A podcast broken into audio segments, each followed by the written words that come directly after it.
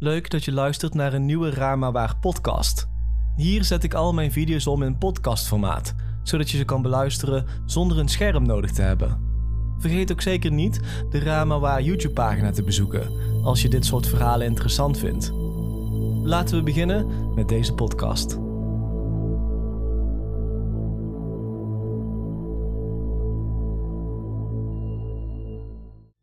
Schimmen in je huis zien. Kinderen die jarenlang praten met een man die in de kelder zou wonen. En avonden die ineens lijken te zijn verdwenen. In deze video gaan we zes enge verhalen van Reddit-gebruikers doornemen. Die reageerden toen de vraag werd gesteld: wat is het engste wat je ooit hebt meegemaakt, maar waarbij niemand je geloofde? Het eerste verhaal gaat over een jongen die plotseling een heel stuk van zijn dag mist. Zijn verhaal gaat als volgt. Ik had vroeger een vriend van me die een paar straten verderop woonde. Op een avond waren we wat biertjes aan het drinken in zijn achtertuin en aan het kaarten, zoals we dat wel vaker deden. Ik had de volgende dag wat te doen, dus nam ik afscheid en liep ik terug naar huis. Het was een korte wandeling, ongeveer 15 minuten van deur tot deur, dus ik pakte nooit de fiets of auto. Het was een zachte avond en tijdens de wandeling gebeurde dan ook niet heel erg veel. Maar toen ik thuis kwam, zag ik mijn huisgenoot plotseling door de deur naar buiten komen. Met koffie in zijn hand en volledig gekleed in zijn werkoutfit. Hij keek mij verbaasd aan en zei dat hij dacht dat ik nog sliep, aangezien mijn auto nog op de oprit stond. Ik vertelde hem waar ik vandaan kwam en vroeg waarom hij zo vroeg op de avond naar zijn werk ging. Hij moest toen lachen en vroeg of ik dronken was. We staarden naar elkaar voor zeker een minuut. Tot hij zei dat het vijf uur ochtends was en dat hij zoals altijd naar zijn werk gaat. In mijn hele leven was ik nog nooit zo in de war als nu. Ik zag aan hem dat hij serieus was, maar ik wist ook dat ik vroeg op de avond weg was gegaan bij het huis van mijn vriend. Ik checkte mijn telefoon en zag dat het inderdaad iets voor vijf uur ochtends was. Mijn huisgenoot vertrok en ik was rondjes in de woonkamer aan het lopen. En ik besloot mijn vriend te bellen, bij wie ik net was geweest.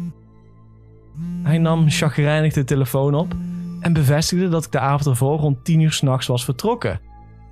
Ik heb geen idee wat er in die 7 uur van mijn leven is gebeurd.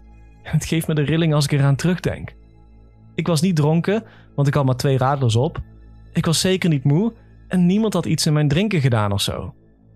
Ik heb ook geen medische conditie waardoor ik last heb van blackouts of dat ik zomaar flauw val. Daarnaast is zoiets me nooit meer overkomen. Tot op de dag van vandaag weet ik niet wat er die avond nou precies is gebeurd. Het tweede verhaal gaat over een jongen die samen met zijn hond zijn ouders de stuipen op het lijf jaagde toen hij nog een baby was. Hij kan er zichzelf niet meer veel van herinneren, maar zijn ouders brengen het graag nog eens op tijdens gesprekken met visite of vrienden.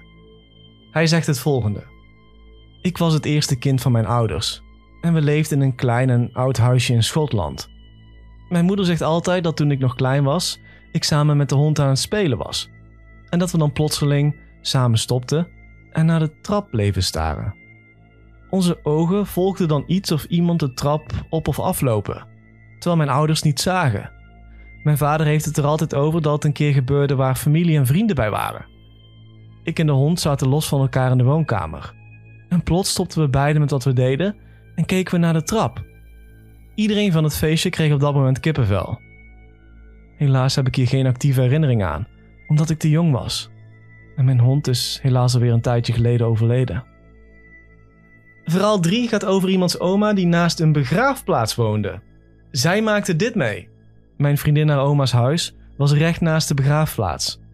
Ze zei altijd dat ze daar vreemde dingen zag gebeuren, maar ik geloof daar niet. Op een dag waren we in het huis en ik zweer het dat ik iets wat niet groter moet zijn geweest dan een kind van de keuken naar de woonkamer zag rennen. Toen ik naar mijn vriendin keek, zei ik verbaasd: Zag jij hier net ook nou een kind rennen? Ze zei dat ze een snel bewegende schaduw in haar ooghoeken zag, maar niet per se een persoon. Er was verder niemand in het huis en er waren ook zeker geen kinderen in de buurt. Het was al laat en de deuren waren allemaal dicht en op slot. Toen we dit aan haar oma vertelden, gaf die als antwoord: Oh, geen zorgen, die zie je wel vaker. Na dat incident ben ik meteen in geesten gaan geloven.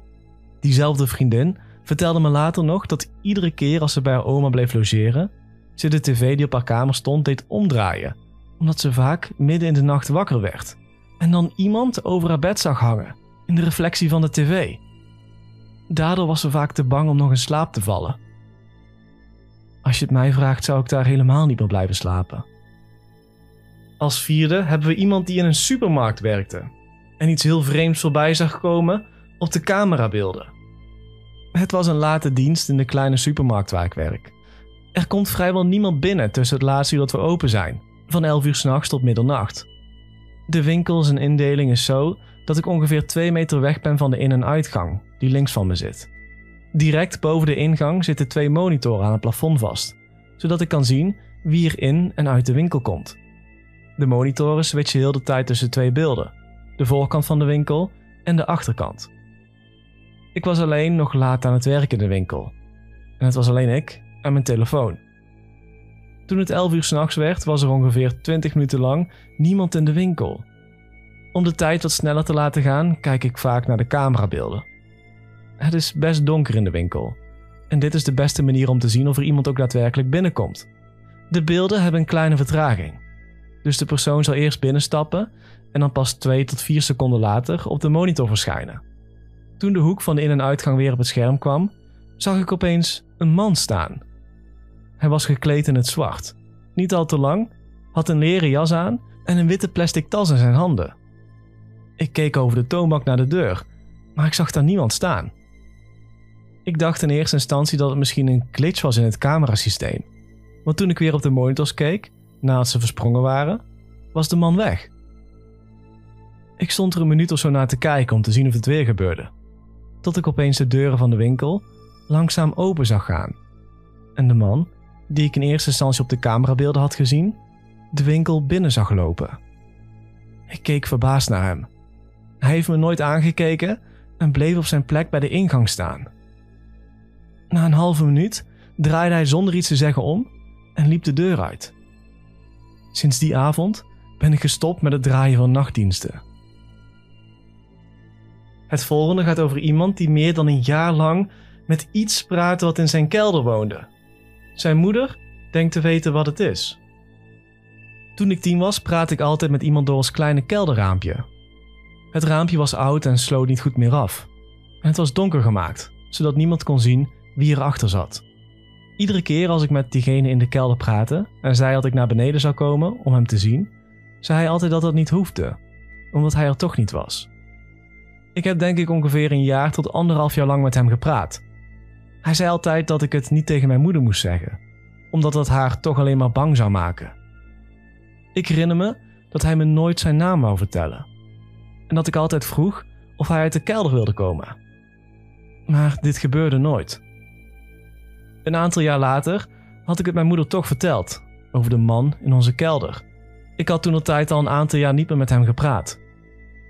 Zij zei toen dat ze vroeger, wanneer ik nog een baby was, vaak de deur van mijn kamer uit zichzelf open zag gaan.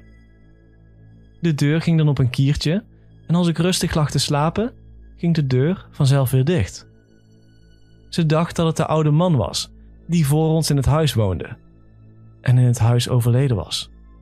De kamer waar ik in sliep was waar vroeger zijn kleinkinderen in sliepen. En ze denkt dat deze oude man nog altijd over mij waakt.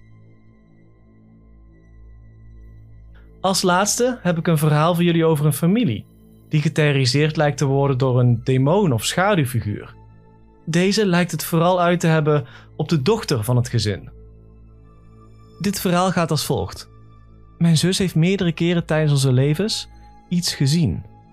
Ik heb het zelf nooit gezien, maar wel verschillende keren duidelijk gehoord. Op een avond waren we samen met mijn vader film aan het kijken, terwijl mijn moeder die avond uit was met vriendinnen. Het was een comedy en we gingen met z'n drieën lachend naar bed toe toen de film was afgelopen. Het was denk ik een half uur nadat onze vader wel trust had gezegd en ik lag nog een beetje in bed een boek te lezen. Tot ik plotseling iets of iemand de trap op hoorde rennen. Ik dacht eerst dat het mijn zus was die beneden iets te drinken ging halen, maar ik had er nooit haar kamer uit zien gaan. Mijn kamerdeur stond altijd op een kiertje. Ik sliep op het einde van de gang, dus zo kon ik iedereen's deur en de trap zien. Ik dacht toen dat het waarschijnlijk mijn moeder was die die avond thuis was gekomen en om de een of andere reden superveel lawaai maakte. Ik zat door het geluid rechtop in mijn bed te wachten, tot ik iemand de trap op zag komen. Maar zodra het geluid aan de bovenkant van de trap was, stopte het gewoon. Ik zag verder niemand en kreeg meteen kippenvel over mijn hele lichaam. Nog geen twee seconden later hoor ik mijn zus schreeuwen en haar kamer uitrennen, terwijl ze keek alsof ze een lijk gezien had. Ik sprong ook uit bed en samen renden we naar mijn vaders kamer, die ook nog wakker was, en vroeg wat er aan de hand was. Mijn zus vertelde huilend dat er een man in haar kamer was, waarop mijn vader meteen haar kamer insprintte en alle lampen aandeed. Hij keek overal, maar ik kon niemand vinden. Toen liep hij mijn kamer in, maar ook daar was niemand. We liepen beide angstig achter hem aan, terwijl hij het hele huis doorzocht. Nadat we uiteindelijk niemand hebben kunnen vinden, belt mijn vader mijn moeder op om te kijken of ze misschien naar thuis gekomen was. Maar ze was nog steeds bij vriendinnen. We hebben de rest van de avond op mijn vader zijn kamer geslapen. De zeven jaar die hierop volgen, was mijn zus nog enkele keer haar kamer uitgerend, omdat er een man zou staan. Ze zegt altijd dat ze hem eerst de trap op hoort komen. Wanneer hij in een van de donkere hoeken van haar kamer gaat staan en naar haar kijkt. Ze beschrijft hem altijd als een lange man met een lange jas en een grote hoed. Zoals een detectieve, zegt ze dan. Hij heeft geen kleur en is altijd compleet zwart. Het vreemde is, is dat iedere keer als het gebeurt, ik dan ook de voetstappen de trap op hoor komen. Maar de man is gelukkig nog nooit bij mij op de kamer geweest. Bedankt voor het luisteren naar deze podcast. Heb je zelf ooit eens eens iets meegemaakt? Laat het me dan weten via mijn Twitter of Instagram. Mijn naam daar is Marcello1. Dat is Marcel L-O-W 1. Nogmaals bedankt voor het luisteren en tot de volgende keer.